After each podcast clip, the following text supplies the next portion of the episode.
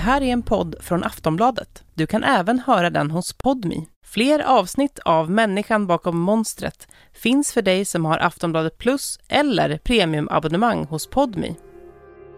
Det uppfyller ju hans tankar. Han är helt besatt av det här. Att hitta en kvinna, att, att, att få uppleva sex och så vidare. Eh, och det blir värre och värre hela tiden och sen så börjar vännerna överge honom en efter en. Ju, ju längre ner han sjunker desto mer desperat och aggressiv och fientlig blir han. Så det blir en ond cirkel, en, en, en toxisk ond cirkel som sen så småningom slutar i en tragedi. Hur kan en ung man från till synes välordnade förhållanden odla ett sånt hat att han till slut vill utplåna både sig själv och hela sin omgivning? Jag heter Kikki Selstedt och är deckarförfattare och kriminolog. I den här serien tar jag mig in i huvudet på de som utför de vidrigaste handlingarna. De som ofta kategoriseras som monster. Men jag vill hitta logiken bakom det till synes ologiska. Utan att förringa brotten försöka förstå det oförståeliga och hitta människan bakom monstret.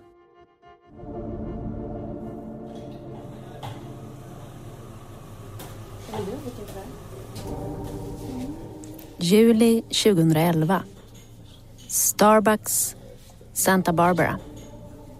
Du är så mysig. Vad håller på? Det är jag som håller på. Hon blond, söt. Han lång med hängiga byxor. Ställa någonting eller? jag vill ha dig såklart. Jag vill ha dig och jag vill ha en jävligt stor kaffe. ja. Hej, tjena. Eh, en, en eh, stor cappuccino. Elliot Roger sitter vid ett bord med en dubbel vaniljlatte. Förmodligen lägger paret inte märke till honom. Parets uppenbara intimitet väcker Elliots avundsjuka och raseriet börjar bubbla inombords. Oj, tack, Tack så mycket. så mycket. Vad snäll. Han föreställer sig att de kommer att gå hem och ha passionerat sex. Något han själv är övertygad om att han aldrig kommer att få uppleva. Och han hatar dem för det.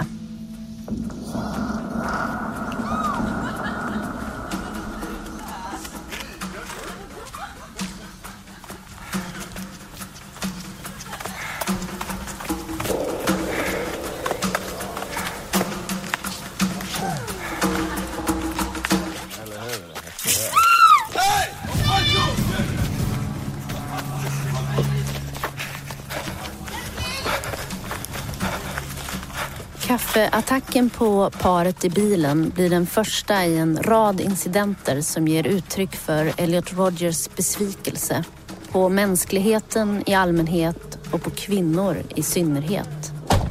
Var det här han tog det första steget mot det dåd som tre år senare krävde sju människors liv?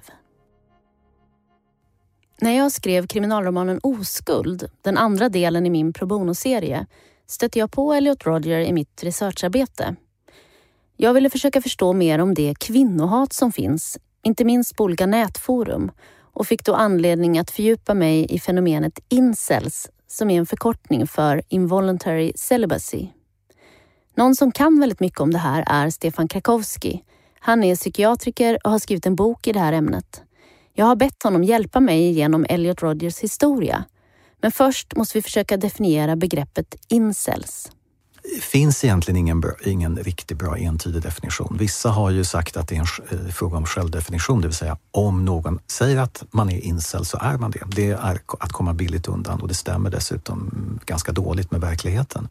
Jag tror att om man ska göra det här lite lätt för sig ändå, för vi måste ju enas kring någonting, ändå, någon typ av definition. Och frågar man och pratar med incels själva som jag har gjort, väldigt mycket vid det här laget, så menar de att en incel är en person som inte kan etablera en romantisk eller sexuell relation med det motsatta könet hur mycket man än försöker.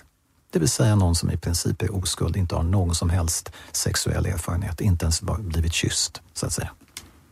Om vi då börjar med, med Elliot Roger. Om du skulle beskriva honom, hur skulle du beskriva honom då? Elliot Rodger är ju en, har ju blivit något av en ikon för en del, den mer våldsamma, våldsbejakande delen av incelrörelsen kan man säga.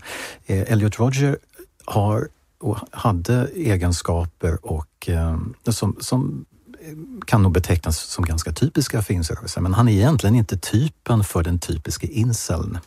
Elliot Rodger kom ju från en relativt förmögen familj och levde i mångt och mycket ett privilegierat liv kan man säga. Eh, han körde BMW, han, eh, han eh, gick på privata popkonserter och han flög första klass med sina föräldrar. Så att, och han hade också i början vänner. Han hade ju faktiskt en, en liten bekantskapskrets. Så att han levde ett, ska vi säga jämfört med genomsnittsinseln, ett privilegierat liv och var inte speciellt ensam i början. Men sen förändrades ju saker och ting. Innan jag fyllde nio år levde jag livet som ett bekymmersfritt barn i en värld som jag bara upplevde som god och ren. Men ju äldre jag blev skulle jag gradvis lära mig förstå mer om världen och samhället. Jag skulle sätta på problem och frustrationer som jag inte ens kunnat ana tidigare. Vi vet ju en del av, om honom genom att han har gett sin egen bild av hela sin uppväxt och mm. så i det här manifestet som han skrev ehm, och sen tillkännagav i samband med, med det här massmorden som han gjorde. Och det är ju hans version av hans verklighet och hans uppväxt och så. Men vad, vad, tycker du att man lär sig om honom genom det? Det här manifestet, så kallade manifestet som han har skrivit, eh, ger, skulle jag säga, en ganska unik bild av en människa, en djup olycklig människa som successivt år från år försämras i sitt psykiska tillstånd och så blir mer och mer ensam och isolerad ju längre tiden går. Och han beskriver också hur han med mer och mer desperata åtgärder försöker att eh, ändra på sig, allt ifrån utseende till att bli rik väldigt snabbt för att det är det enda sättet att få, få en tjej. Så att man får en väldigt god bild av det här ska vi säga, gradvisa förfallet kan man väl ändå säga, den tilltagande isoleringen. Och det börjar ju faktiskt i tonåren. Innan dess, innan 13 års ålder, så, så levde han ett, ett eh, hyfsat normalt liv. Eller som jag nämnde tidigare, ett liv som faktiskt eh, var rent materiellt betydligt bättre än, än genomsnittet. Mm. Men sen hände saker och ting. Visst. Jag hade känt avundsjuka som nioåring. En frustrerande känsla.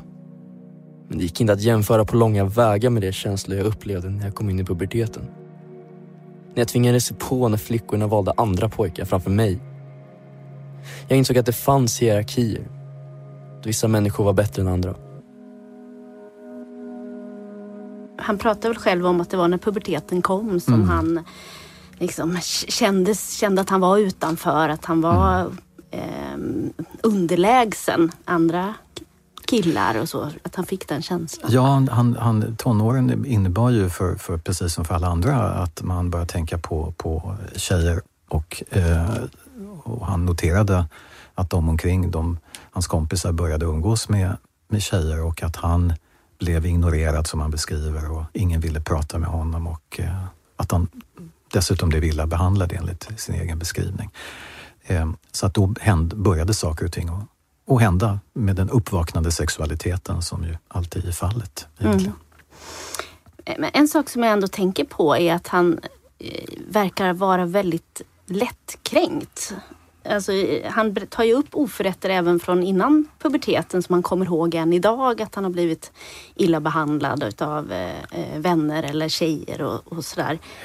Ja, rent generellt så kanske det är så att om man upplever sig vara ignorerad och eh, föraktad av omgivningen så tror jag att man har lätt att det, det ligger närmare till hands att man känner sig förorättad, eh, kränkt och steget över till att bli aggressiv eller betrakta omgivningen med fientlighet, det, det steget är ju ganska kort. Men sen finns det ju också en annan aspekt här och och det är för övrigt en aspekt som återkommer hos ganska många incels, nämligen det faktum att Elliot Roger möjligen led av eh, jag skulle nog säga flera olika psykiatriska diagnoser. Man, han, själv i sitt manifest beskriver han ju att han lider av social fobi. Mm. Och hans pappa i en intervju talar om att han sannolikt led av autism. Um, I think he had a condition. He had a very seriously uh, advanced mental condition. Uh, when we realized he had social issues, we brought therapists in to try and help him integrate into society because he was a very, very, very, very shy, shy boy. And we just felt that that was his issue. Ja, som jag förstod det så, så började han ju träffa någon form av psykolog eller psykiatriker vid väldigt Mm. tidig ålder, sju, åtta år eller så. Eh, och att han vid något tillfälle i sitt manifest skriver han också om att han hade fått någon typ av medicinering utskriven som han har valt bort för att han inte Mm. anser sig vara sjuk. Sen kan man också tillägga att den läkare, den psykiater som förskrev den här medicinen, det var naturligtvis helt korrekt av Elliot Rodger att inte ta den skulle jag säga. För den medicinen eh, var ett, ett neuroleptikum, alltså en antipsykotisk medicin som definitivt inte ska ges till en, till en patient som inte lider av en psykos. Så det var helt korrekt egentligen. Ja, där ser man. Det är ganska intressant. Ja, han träffade ju vad jag förstår ett antal psykologer, psykiatriker mm, och också så kallade livscoacher som föräldrarna ordnade. Så att han, som, vars uppgift var egentligen att hålla honom sällskap och ta med honom ut och se till, lära honom på något vis att, hur han skulle förhålla sig till omgivningen. Vilket ju eh, kanske också kan ge en indikation på att han hade någon typ av autism som gjorde att han hade svårt att förhålla sig till omgivningen och inte riktigt behärskade de här sociala koderna som, som de flesta andra gör. Det kan också ha funnits andra diagnoser, att sammantaget så kan det här ha, kanske förklara en hel del av hans beteende inklusive det faktum att flera för vänner övergav honom, alltså goda vänner som han har känt sedan barndomen som beslöt sig att, för att kapa banden med honom. Och det, det här är naturligtvis bara spekulationer men det är rimligt att anta att han uppfattades som ganska udda och, och kanske till och med ganska besvärlig att, att, att umgås med. Han råkade ofta i gräl och blev till och med våldsam vid några tillfällen som, som han också beskriver i sitt manifest. Mm. Jag blev känd som the weird kid. Folk började göra narr av mig men jag brydde mig inte. Den enda gången jag brydde mig var när en grupp populära sjundeklassar tjejer började håna mig. Det gjorde verkligen ont. En av dem, Monette, var en söt blond tjej. Hon måste ha sett mig som den ultimata losern. Och jag hatade henne så mycket för det. Jag kommer aldrig att glömma henne. Jag började hata alla flickor på grund av det här. Men jag tänker på det här som du, du sa och pratade om det här att han är uppvuxen i ett välbärgat hem. Det var ju till och med väldigt välbärgat så hans pappa var känd eh, filmarbetare och, och så. De flög pri- privatjet och allt sånt. Men tänker du att det har påverkat honom och i så fall åt vilket håll? Hade han kunnat falla ur ramen tidigare om han hade varit i en annan uppväxt? Eller skyddade den här uppväxten honom eller har den påverkat honom åt annat håll? Jag tror inte nödvändigtvis att en privilegierad uppväxt hade sån gynnsam effekt på honom. Han var ju väldigt lockad av det här Hollywoodlivet som han fick en glimt av, skulle jag säga, inte fick uppleva hela tiden. För pappan var ju inte en speciellt framgångsrik filmare egentligen, utan fick olika jobb och det, det gick väl tidvis hyfsat för honom. Eh, men den här, det här livet var väl kanske en sorts grym påminnelse om hur fint vissa har det, hur bra vissa har det enligt hans sätt att beskriva det i alla fall. Och det här livet också, som pappan, eh, hans yrke betyder ju att han var borta hemifrån väldigt, väldigt mycket. Och läser man Elliot Rodger manifest så är han ju väldigt anklagande mot pappan också. Han känner sig övergiven, han tyckte att pappan inte var där för honom och det var konflikter med styvmamman också. Eh, ganska, ganska ofta till och med, som till och med kastade ut honom hemifrån, förbjöd honom att sätta sin fot där. Inte bara sparkade hon ut mig. Jag förbjöds även korta besök och pappa gjorde inget för att stoppa henne. Vilken vek man han är. Han gav henne all makt. Man kan ju fråga sig om det här livet kanske till och med kunde vara på det sättet att just det här livet och, och pappans yrkesval som gjorde att han var borta ganska mycket, att det till och med hade en, en ganska negativ effekt på Elliot Rodger. Det verkar som det. Hans föräldrar skilde sig i sju, när han var sju, åtta år. Ja, någonting också. precis. Så han eh, tycker väl själv att det var en väldigt jobbig sak Ja, om jag förstod ja, det var ju- i manifestet. Det också. var det faktiskt. Men skulle du säga att det finns tecken i tidiga barndomen innan han själv menar att, att han fick jobbigt där i puberteten som, som man kan se nu idag? Att det var varningssignaler till att något skulle... I- ing- Ingenting tyder på det oavsett om man lyssnar på intervjuer med pappan som beskriver det, eh, Elliot som ett eh, glatt ett barn som skrattade ofta, som var, det var ett nöje att, att vara tillsammans med.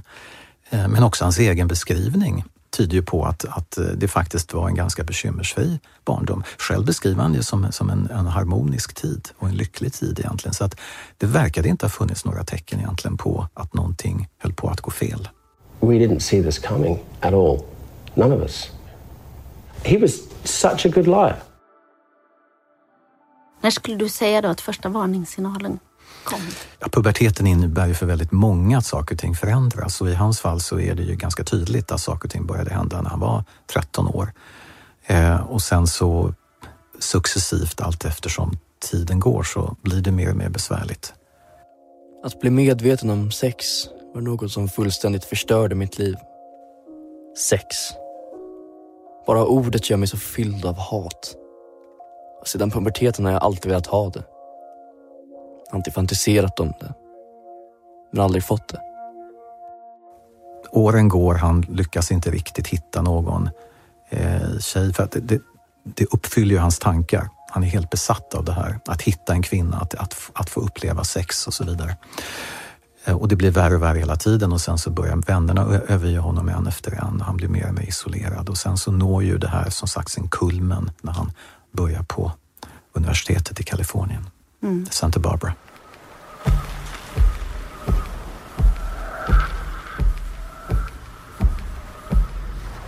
När vi har läst manifestet så förstår man ju att han mår väldigt dåligt och att han har under den tiden. Men fanns det någonting för dem utifrån som man kunde ha fångat upp där?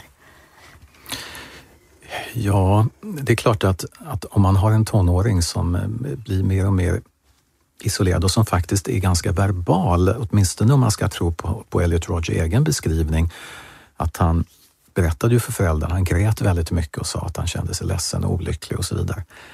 Och det är klart att i, i det läget skulle man ju göra allt för att försöka hitta någon lösning på det hela hitta en bra terapeut, göra en grundlig utredning och se om, det, om man kommer fram till någon diagnos och i så fall om det på basis av det skulle gå att behandla mm. på, på något vis. Inte nödvändigtvis med mediciner men med någon typ av terapi eller både och, en kombination av de båda. Mm. Nu är det lite oklart hur mycket man gjorde. Enligt Elliot Roger gjorde man väldigt lite. Enligt pappan så, så gjorde man väldigt mycket. Han, fick, man, han bytte ju skola ganska ofta för han blev så mobbad. Det var också en sak som, kom, som var väldigt tydlig, att han blev väldigt utmobbad och slagen och man stal hans luncher och man knuffade upp honom mot, mot eh, väggen och betedde sig väldigt, väldigt illa mot honom. Han var ett klassiskt mobboffer. Vad gör det med en människa? Det betyder att man blir ännu mer deprimerad och ännu mer utanför och ännu mer bitter naturligtvis. Och det här är en sak kan jag säga som återkommer också när jag pratar med incels och de berättar eh, om det här. Det är alltifrån att man var ensam till att man blir aktivt mobbad både svenska och utländska incels som jag talat med berättar ungefär samma historia. Så att just på det viset så, så var Elliot Roger väldigt typisk för den här gruppen skulle jag nog säga. Hans mamma har ju asiatisk ursprung så han är ju eh, halvt asiatisk och hans mm. pappa är från Storbritannien. Så mm han är halvt europé och han är väldigt upptagen av det här med liksom hierarkier, att mm. de vita männen står över honom. Han är också ganska rasistisk mot de som är helt asiater, där han liksom skriver på forum och, och så mm. kring, kring detta, vilket man ju kan bli lite fascinerad över. Um, är det också typiskt att man är... Det är nog typiskt för en ganska stor del av incel rörelsen, om man nu ska kalla det för en rörelse, vilket man också kan ifrågasätta. Just när det gäller Elliot Rodger så hade han komplex för att han var halvasiat. Han eh, föraktade andra, han föraktade svarta också för den delen och eh, det framgår också av manifestet där han skriver om det här. Han önskar att han hade varit helt vit. Och, och att vara helt vit betyder att stå högst i hierarkin för övrigt någonting som icke-vita incels instämmer villigt i också när man pratar med dem på olika sajter eller mm. privat. Och, och Elliot Roger var hög, i högsta grad eh, en anhängare av, av det här. Han tyckte att det var helt uppenbart. Och läser man manifestet så handlar det inte bara om att hitta en kvinna att vara tillsammans med för att uppleva sex. Det handlar om att hitta en snygg kvinna mm. och det handlar om att hitta en blond, lång, vit kvinna. Det är mm. väldigt, väldigt specificerat. He did say to me once, I wish I wasn't half Asian. I never realized that he was so racist. Han skrev det här manifestet som han verkat ha jobbat med under lång tid. Mm. Eh, som han då offentliggjorde sen eh, i samband med dådet. Va, va, vad tror du han var ute efter när han skrev det? Va, är, är man ute efter förståelse eller vad, vad kommer det sig av att man vill berätta sin egen historia? Ja, jag tror att det väldigt mycket handlar om det. Alla brott som har begåtts, eh, terrordåd som har begåtts, där kvinnohat eh, är ett centralt tema och där gärningsmannen har betraktat sig som incel, så finns det här med att man alltid lägger ut ett meddelande, ett mess eh, eller ett manifest. Och det är också samtidigt naturligtvis en ledtråd för polisen och för underrättelsetjänster. Men det gäller också att veta var man ska leta. Det här är ju en av de största utmaningarna för, mm. för världens säkerhetstjänster, att kunna upptäcka det här i tid. Och det här gäller också även andra gärningsmän, andra våldsbejakande eh, extremister, inte bara inom incel-gruppen, utan Breivik, det gäller liksom. ja, Breivik exempelvis, absolut. Så, så det här går, går ju igen. Det, man vill deklarera sin ståndpunkt. Man vill att världen sen efter att man själv inte är med, att man är borta, ska veta motiven och eh, det kan också vara en uppmaning till att eh, följa efter och göra samma sak. Vi var inne på varningssignaler förut. Han har ju innan han begick det här brottet ändå kanske signalerat att det finns eh, en aggressivitet i honom. Jag tänker på, vi lyssnade tidigare på den här kaffeincidenten när mm. han kastade kaffe på ett par som mm. hånglade. Va, va, vad betyder det tror du? Ja, det var en viktig händelse. Det första gången, han gjorde det vid, åtminstone vid tre tillfällen så kastade han, vid två tillfällen kaffe och, och vid tre tillfällen så blev han så provocerad av ett par som gick hand i hand och som hånglade så att han eh, köpte en sån här vattenpistol, fyllde den med juice, gick tillbaka till paret och, och sprutade på dem eh, samtidigt som han var rädd och sprang därifrån så kände han en sorts, beskriver han själv, att han kände en upprymdhet och en tillfredsställelse. Och, och eh, på något vis har man en känsla av att det här var en tröskel han hade eh, passerat, klivit över på något vis som gjorde att tanken på att ta en mer gruvlig hämnd, mer våldsam hämnd på dem han ansåg hade betraktat honom eh, illa eller misshandlat honom på något vis att det steget kändes mera logiskt och mera eh, närmare honom helt enkelt.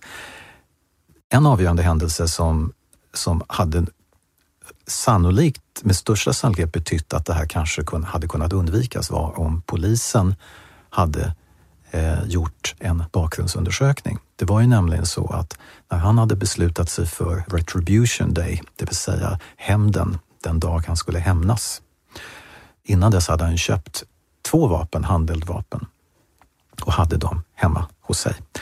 Och, och, och, han hade lagt upp olika meddelanden som hans mamma blivit väldigt orolig för. Och hon så pass orolig så att hon kontaktade polisen. Och polisen kom och knackade på hos honom och han blev väldigt, väldigt rädd.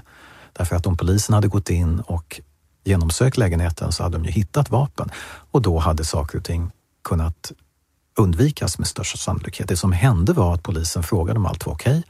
Han var väldigt artig och vänlig mot polisen, sa att det är okej, okay, det är lugnt allting. Och de frågade om han var deprimerad och han sa nej, det är han verkligen inte och, och, och så vidare. Och polisen gick inte ens in. Hade man gjort en bakgrundskontroll? Det här säger också pappan i den här Barbara Walters-intervjun för ABC. If somebody's going to do a welfare check, surely they should do a gun check. on the way. Because how's somebody going to do something to themselves if they don't, if they, if they feel they're a danger? It takes 90 seconds to do a gun check. And his whole scheme would have been over and thwarted. Men det är intressant att han då ändå är, även i den situationen, den här normala mm. eh, killen som man inte reagerar på. För mm. det är ju mm. det man tänker jättemycket på mm. när man läser och ser honom och sådär. Att eh, han ändå på något sätt lyckas lura omgivningen. Eh, hans pappa säger ju också i den intervjun att han aldrig hade sett någon aggressivitet hos sin son tidigare. Nej, och ändå vet vi ju nu att det hade, hade varit mm. betydande aggressivitet. Han råkade ju gräl med sina rumskamrater på college och flertal tillfällen och uh, han var på en fest där, där han medvetet Precis. sökte gräl och blev och skadade foten ganska allvarligt. Mm. Det du nämner var väl då när han försökte medvetet putta ner några Mm. tjejer från någon avsats men Precis. blev stoppad och Precis. eh, eh, några killar puttade istället ner honom. Ja. Och sen så blev han misshandlad också Mm. när han gick tillbaka sen och, och till, till samma fest. Så, och det var väl en av de sista försöken från hans sida, att ge det ett sista försök att ändå hitta någon och eh, eh, det var ju dömt att misslyckas naturligtvis. Ett mörkt hatiskt raseri tog över hela mig och jag försökte putta så många som möjligt över kanten på den tre meter höga avsatsen. Först och främst sitter jag in mig på tjejerna. Jag ville straffa dem för att de pratade med de vidriga killarna istället för mig. Det handlar väldigt mycket om att han inte riktigt hade verktygen så att säga. Han visste inte hur han skulle, hur han skulle bete sig. Han behärskade inte de sociala reglerna, koderna. Han visste inte hur han skulle närma sig kvinnor överhuvudtaget. Hade han kunnat bli lärd det? Ja, jag tror faktiskt det. Ja. Jag tror faktiskt det. Eh, jag, jag tror inte att omgivningen, inklusive föräldrarna, var medvetna om hur allvarligt det här var. Det är väl helt uppenbart. Mm. Trots att varningslamporna lyste på flera håll, skulle jag nog säga. Mm. Ja, nej, men man tänker ju på det nu i efterhand när man vet vad som sen hände. Men när man ser de här Youtube-videorna som han postar när han pratar om kvinnor, att han inte förstår varför de inte faller för honom. För han har ju ändå de här dyra solglasögonen som kostar 300 dollar och, och, och så. Då känner man ju att han har ju väldigt lite självinsikt på hur han själv, vem, vem han är och vad han utstrålar, tänker jag. Hey, Elliot Roger here. I'm up in the hills in Montecito right now. It's truly a beautiful day. But, as I've always said, a beautiful environment is the darkest hell if you have to experience it all alone. And sadly, I've been alone for a very long time. I don't know why you girls are so repulsed by me. It doesn't make sense. I do everything I can to appear attractive to you. I dress nice. I'm sophisticated. I'm magnificent. I have a nice car, a BMW. These these sunglasses here were three hundred dollars. Giorgio Armani. So I'll put them on. See? I'm polite. I'm the ultimate gentleman. And yet, you girls, you never give me a chance. I don't know why. I'm 22 years old, and I've never had a girlfriend. I'm still a virgin. På det viset är han ju ganska representativ också för väldigt många incels skulle jag säga. Eh, där den förhärskande teorin och, uppfattningen är att utseendet är helt avgörande eh, om man ska gå, vara framgångsrik hos kvinnorna. Därför att kvinnor går helt enkelt bara efter utseende hos män. Och männen, de snygga männen kan bete sig precis hur som helst, hur svinaktigt som helst. Eh, det spelar egentligen ingen roll så länge de är snygga, då faller kvinnorna ändå för dem. Och skulle någon kvinna falla för någon man som inte är snygg så är det bara en tidsfråga innan hon hittar en man som är snygg. Under tiden ska den här mindre, den, den så att säga fule mannen försörja dem. Mm. Ja, han, han säger väl det i sitt manifest där att han är förbannad på sin pappa för att han lärde honom det. Att, att det, det blir, är bra att vara snäll och att Ja, man, man precis. tjänar ingenting på att vara, vara Precis, snäll. precis. Mm. En annan sak jag har tänkt på när det gäller kvi- hans kvinnosyn ehm, som jag tycker är intressant, både hos honom och hos andra med liknande eh, inställning, det är att han ändå på något sätt ser sig själv som underlägsen, som att han är längst ner i hierarkin. Väl- Väldigt mycket annat kvinnohat kommer uppifrån på något sätt, att man ser kvinnor som mindre värda. Vad tänker du kring det? Ja, det är väl både och egentligen. Det är, en, det är väl två uppfattningar som försöker samsas med varandra och det Ja. blir inte så bra därför att å ena sidan anser man sig vara i ett, i Elliot Rogers fall, å ena sidan var ju underläge Ja. därför att man ser att andra får kvinnor, de lever ett helt annat liv, de njuter av livet, de går på fest och, de har massor med vänner och så vidare. Å andra sidan anser man sig tillhöra en elit. Han var the supreme gentleman eh, som tyckte han, såg mycket, han var mycket snyggare och betedde sig bättre än många av de här brutes, de här tölparna som får kvinnor. Eh, och så vidare. Han hade visserligen komplex att han var halvasiat, han hade komplex att han inte var lång nog och så vidare. Återigen typiska eh, typiska attribut som hyllas av incel som anses vara helt avgörande. Men det blir en extrem och verklighetsfrånvänd bild hos incels där utseendet har all betydelse och föds man fel, så att säga, med fel genuppsättning, om man liksom drar en nitlott i det här genetiska lotteriet, så att säga, då är man dömd för alltid vad man än gör, så att säga. Mm. Eller som det heter, att man är blackpilled, man har svalt det. svarta pillret. Man har insett att man, man har insett att, mm. och att ingenting går att göra åt det hela. Mm. Men hur viktig är den här hang-upen på att han eh, inte får någon kvinna, att han är oskuld, att han, eh, för det som sen händer, tänker du? Ja, det har ju en avgörande betydelse utan tvekan. Han är helt besatt av det här. Så är det ju. Och eh, ju, ju sämre det går, ju, ju mer illa han, han behandlas enligt egen utsago och, och ju längre ner han sjunker, desto mer desperat och aggressiv och fientlig blir han. Så det blir en ond cirkel, en, en, en toxisk ond cirkel som sen så småningom slutar i en tragedi.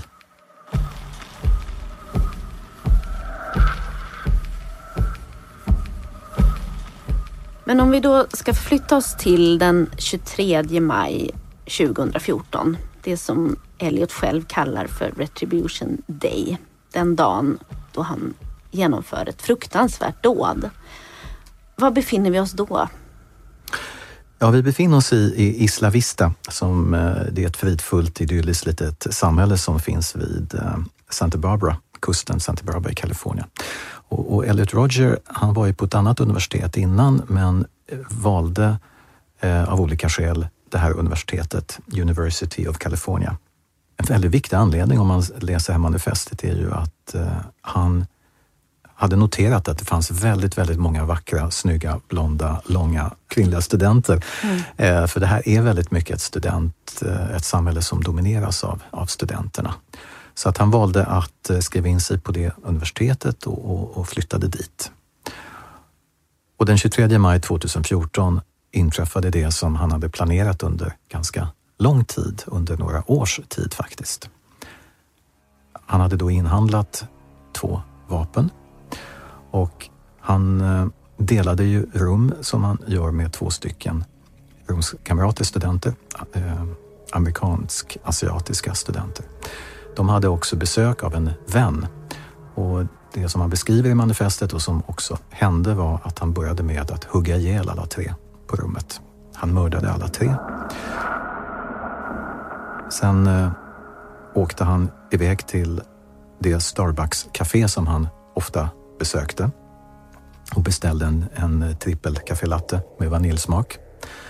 Så drack han upp det här kaffet och satte sig i sin BMW och då la han upp den här videon som har just titeln Retribution, alltså vedergällning, på Youtube. Hi, Elliot Roger here.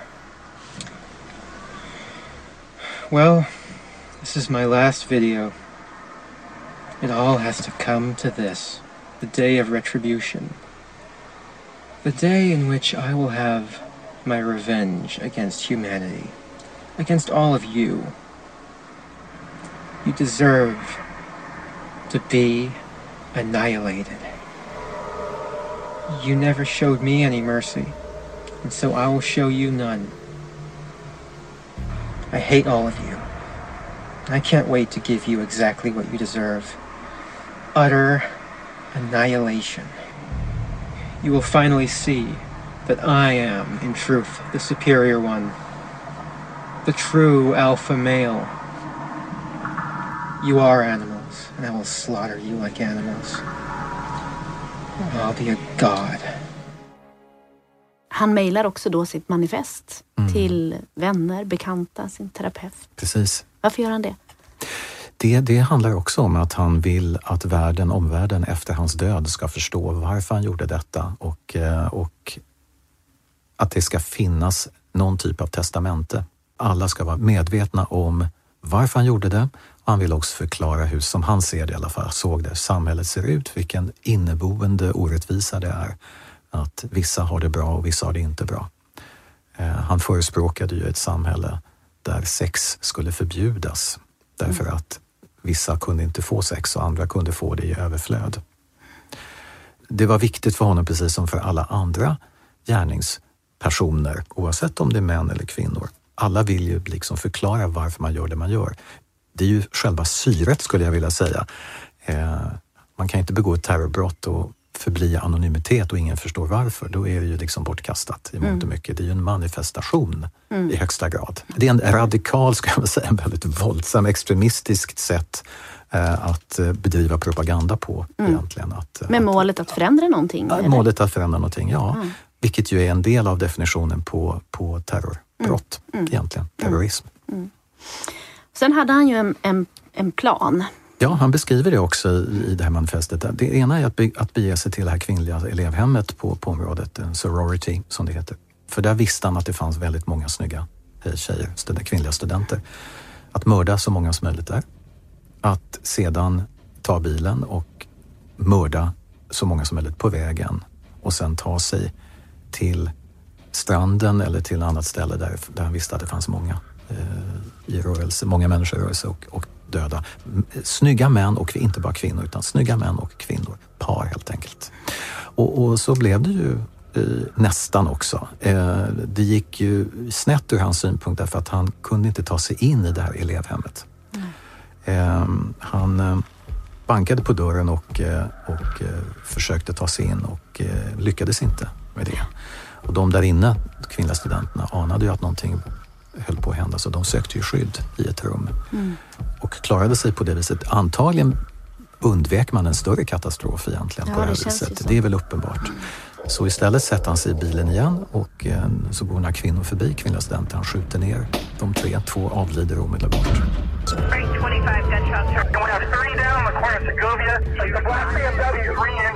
Sen så åker han in mot stan, precis som han hade tänkt sig.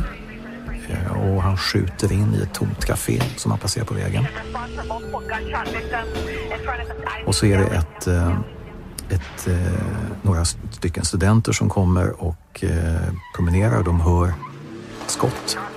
Och en av de här studenterna ser när Elliot Roger åker förbi i hög hastighet med sin bil. Och då skjuter Elliot Roger ihjäl den här studenten genom bilfönstret. The deadly shooting in Isla Vista with multiple victims. At least three people have been shot. All of a sudden, sirens. I det här laget så har man ju också larmat polisen och pappan har ju förstått, även mamman, att någonting är på väg att hända. Men de anade ju inte att det skulle bli på det här viset. De var ju oroliga för sin son. Eh, men inte hade de, de hade naturligtvis inte en tanke på att han var en förövare och skulle försöka döda så många som möjligt. He shot and I felt like I just felt the wind like pass right by my face. People are like, they're shooting, they're shooting. Han fortsätter att köra och eh, det kommer en, en förbipasserande som, som han kör på, en student som hamnar på motorhuven och klarar sig mirakulöst med Mm. bara mindre, mindre skador. Uh, he said he got run over by a car. Och sen till sist så kör han in i ganska hög hastighet i en parkerad bil. Och vid det här laget så har polisen avlossat skott. Han har träffats av en kula i höften. I, i sitt manifest, han, han skriver så här. Vem kunde tro att mitt liv skulle bli så här? Det var inte jag som startade kriget, men jag kommer att avsluta det. Genom att slå tillbaka. Äntligen kan jag visa världen mitt rätta värde ögonvittnen som är på plats när han har kört in i den här parkerade bilen eh, hör ett, ett enda skott. Och då är det Elliot Rodgers som har skjutit sig i huvudet med ett av sina vapen och han påträffas sen i framsätet med den här skarpladdade pistolen bredvid sig. Och eh, då är det alltså sex döda och 14 eh, skadade och det hela har tagit eh, 8-9 minuter, hela det här dramat egentligen.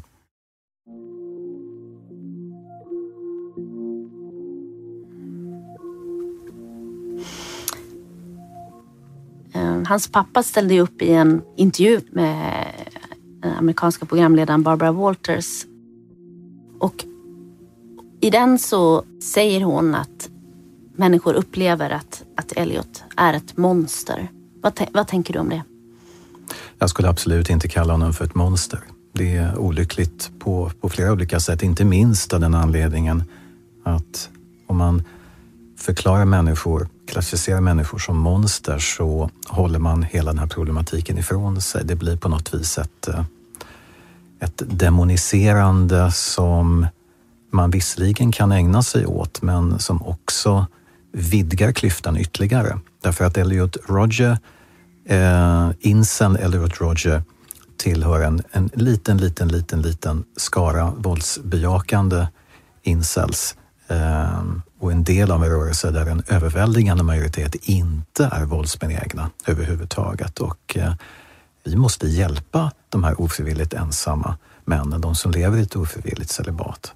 Om vi etiketterar dem som monster eller utomjordingar eller vad som helst så ignorerar vi ett, ett problem som är tilltagande och som jag är väldigt orolig för. Och då menar jag inte ens eh, den lilla, lilla skara som har begått terrorbrott. Jag menar ett tilltagande antal män som lever ofrivilligt ensamma och i, i ofrivilligt celibat och som utgör en, ett tilltagande problem, inte bara i, i, i Amerika utan globalt sett. Eh, I länder som Kina, Indien, Europa, Sydamerika och så vidare. Om vi kallar dem för monster, även om de har begått avskyvärda brott, tror jag att vi missar någonting väldigt viktigt i det här. Mm. I den intervjun så får även eh, pappan en eh, fråga som man ju eh, blir väldigt berörd av. Hon, han, får, han får frågan om hon önskar att hans son aldrig blivit född. The family of Adam Lanza have said that they wished that their son had never been born. Do you ever feel that way? That's a loaded question, Barbara. A part of me says yes. And the reason is because he did an awful lot of harm to young men and young women who didn't deserve to die. And my son did it det är en väldigt svår fråga att få, att eh, få kastat i ansiktet. Eh, man älskar ju sina barn och eh, det, det är en nästan omöjlig fråga att besvara tycker jag. Han älskade ju sin son och eh, att det här hände gör ju att det blir enormt motstridiga känslor som man, man går igenom. Ett, ett trauma utan like. Bara det faktum att mista ett barn är ju bland det absolut värsta som kan hända en i livet. Om den dessutom mister ett barn som begår ett sånt här avskyvärt brott som mördar eh, ett halvt dussin människor och skadar väldigt många andra. Det, det måste vara nästan eh, övermänskligt att bära med sig dag för dag, att vakna varje dag och, och, och det första man tänker på när man vaknar, det sista man tänker på innan man somnar kan jag tänka mig är ju det här som har hänt, den här enorma tragedin. Mm. Och mycket skuld och skam Och skuld och skam också, för absolut. Sig själv. Ja, visst. Hur kunde, kunde jag ha gjort någonting? Precis, kunde jag ha gjort någonting annorlunda? Gjorde jag något fel och så vidare. Det, det här är svårt att, att eh, sätta sig in i naturligtvis. Ja, helt omöjligt faktiskt. Skulle du säga att det här som hände då 2014 och Elliot Rodger, var det ett startskott för, för incelrörelsen? Ehm, jag, skulle säga, alltså själva incelbegreppet myntades i början på 90-talet och det var ju, hade ju en helt annan innebörd i början egentligen. Men jag skulle säga att Elliot Rodger och det terrorattentat han begick satte väl incels på, på den mediala kartan och eh, det, det, gjorde att det här begreppet blev mer allmänt känt. Sen har ju det här fått ett efterspel också på så vis att vissa av de våldsbejakande incels som eh, finns och som även jag har haft kontakt med, de hyllar ju Elliot Rodgers som en, han är närmast en ikon och det finns till och med ett begrepp, going ER, alltså ER, eh, vilket egentligen i bokstavlig bemärkelse inte nödvändigtvis betyder att man vill begå en massaker utan det betyder mer att man tappar besinningen och blir förbannad helt enkelt. Det är mer den innebörden när man, när man uttrycker sig på det viset. Så, och medan andra incels, väldigt många anser att han inte är betraktad som en riktig incel därför att han såg alldeles för bra ut. Så att det är ju inte så att det är en, direkt en, en konsensus bland incels kring Elliot Rodger. Men jag skulle säga att han var startskottet på någonting annat, nämligen en, en medial uppmärksamhet och exponering. Och ett, ett nyvaknat intresse kring incels överhuvudtaget. På det viset har han haft en avgörande betydelse skulle jag nog säga. vad vet man om hur, hur många människor som har blivit mördade eh, med koppling till incelrörelsen? Jag tror att det är ett stort mörkertal. Man har ju talat om 50, lite drygt 50 stycken och bara i Christchurch i Nya Zeeland så, så mördades ju 51 stycken. Och, eh, förutom det attentatet så har vi en rad andra som har inträffat. Eh, i, I Toronto, Alec Menassian, så, så dödades eh, ett tiotal och eh, sagt Elliot Roger också ett halvt dussin. Så att det, jag tror att siffran betyder högre än så. Och det är som sagt ett ganska nytt fenomen. Vi har inte riktigt tror jag, tänkt i de banorna tidigare att det, att det kan vara gärningsmän som också kan anses vara incel som har begått olika eh, brott och attentat. Så att det är svårt att säga. Mm. Jag tänker på många av de här skolskjutningarna som ja, har precis. kommit i USA till exempel. Det. Vad, vad det som ligger bakom Absolut. de här unga arga männen. Ja, visst. Det, det precis. Det, där kan man ju också misstänka att det finns sådana här motiv. Mm. Definitivt. Men många av de fallen man känner till är ju då i, i Nordamerika. Eh, finns det något i Norden som man kan koppla till incel som har skett? Vi har ju det utanför Oslo. Mm, precis. Philip Manshaus som eh, attackerade en moské. Det. Där det inte blev några dödsoffer dock. Det, han hade också eh, lagt ut eh olika meddelanden på incel-sajter. Så där har vi ett exempel från Norden. Eh, huruvida dådet i Trollhättan eh, hade någon koppling till det här vet vi inte. Eh, det skulle inte förvåna mig om det även där, om den gärningsmannen möjligtvis skulle kunna ha en fot också i, i den här rörelsen. En överväldigande majoritet av de brott som har begåtts har ju begåtts i Nordamerika, alltså i Kanada och i USA. Mm, just det. Vad tror du om risken för att vi ska få ett sådant attentat i Sverige? Ja, det är en bra fråga. Um, det finns en, om vi vidgar bilden lite grann, som jag tycker är väldigt viktigt att göra. Därför att som, som jag beskriver i min bok, den heter ju Incel och så underrubriken om ofrivilligt celibat och en mansroll i kris. Och mansrollen i kris handlar till viss del om ett mansöverskott. Och jag ser det här i ett större perspektiv, att ett mansöverskott ökar risken högst betydligt till politisk extremism, till, till gängkriminalitet och till brott där kvinnor väldigt, väldigt ofta är offren. Och ju fler män vi får som inte kan hitta en partner, för det är det vi ser idag. Det går bättre i skolan för kvinnor, allt sämre för pojkar. Och eh, i takt med att allt fler välutbildade, välavlönade kvinnor söker efter en matchande partner i en krympande skara män som skulle kunna matcha. Eh, och tvärtom, att en, en tilltagande mängd män med låg utbildning eller som inte riktigt når upp till, till de krav som ställs av samhället. Ju längre den utvecklingen går, desto större risk ser jag det som att någonting tragiskt kommer att hända i framtiden även i Sverige. Så att jag skulle definitivt inte utesluta att Eh, vi kommer att kunna tyvärr uppleva framtida tragedier även i Sverige där vi faktiskt idag har ett mansöverskott. Alltså personligen har jag ju vid två tillfällen eh, av en händelse träffat eh, eh patienter där jag blev så orolig och där jag bedömde att faran för ett våldsdåd var så överhängande så att jag var tvungen att ta kontakt med Säpo.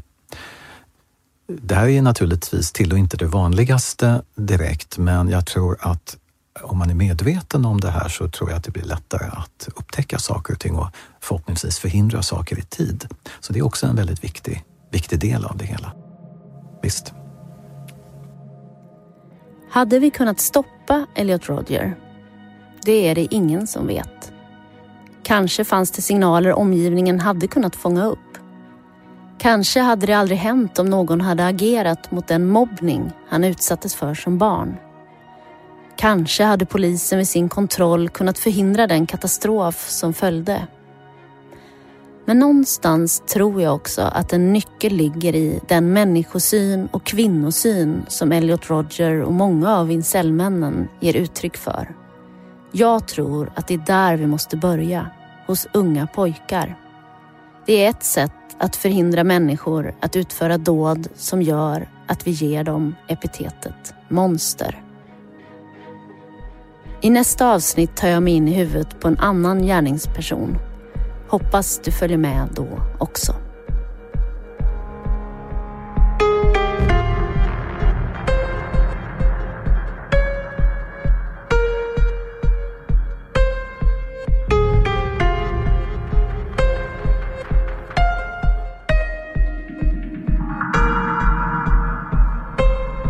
Programmet görs för Aftonbladet av Beppo ljudproduktion. Programledare Kikki Selstedt. Manus och producent Susanna Levenhaupt. Regi och ljuddesign Erland Carling. Research Emilia Johansson. Medverkande skådespelare Joel Ström, Fanny Wahlqvist och Alvar Carling. Dramatiserade sekvenser är baserade på verkliga händelser. Länkar och källhänvisningar finns på Aftonbladet Plus. Stefan Krakowskis bok heter Incels, om ofrivilligt celibat och en mansroll i kris. Du har lyssnat på en podcast från Aftonbladet. Ansvarig utgivare är Lena K Samuel. Life is made up of many gorgeous moments. Cherish them all, big and small, with Blue Nile. Whether it's for yourself or a loved one, Blue Nile's unrivaled selection of expertly crafted fine jewelry and statement pieces help make all your moments sparkle. Blue Nile's experts are on hand to guide you, and their diamond guarantee ensures you get the highest quality at the best price. Celebrate a life well lived in the most radiant way and save up to 30% at BlueNile.com. That's BlueNile.com. Sån.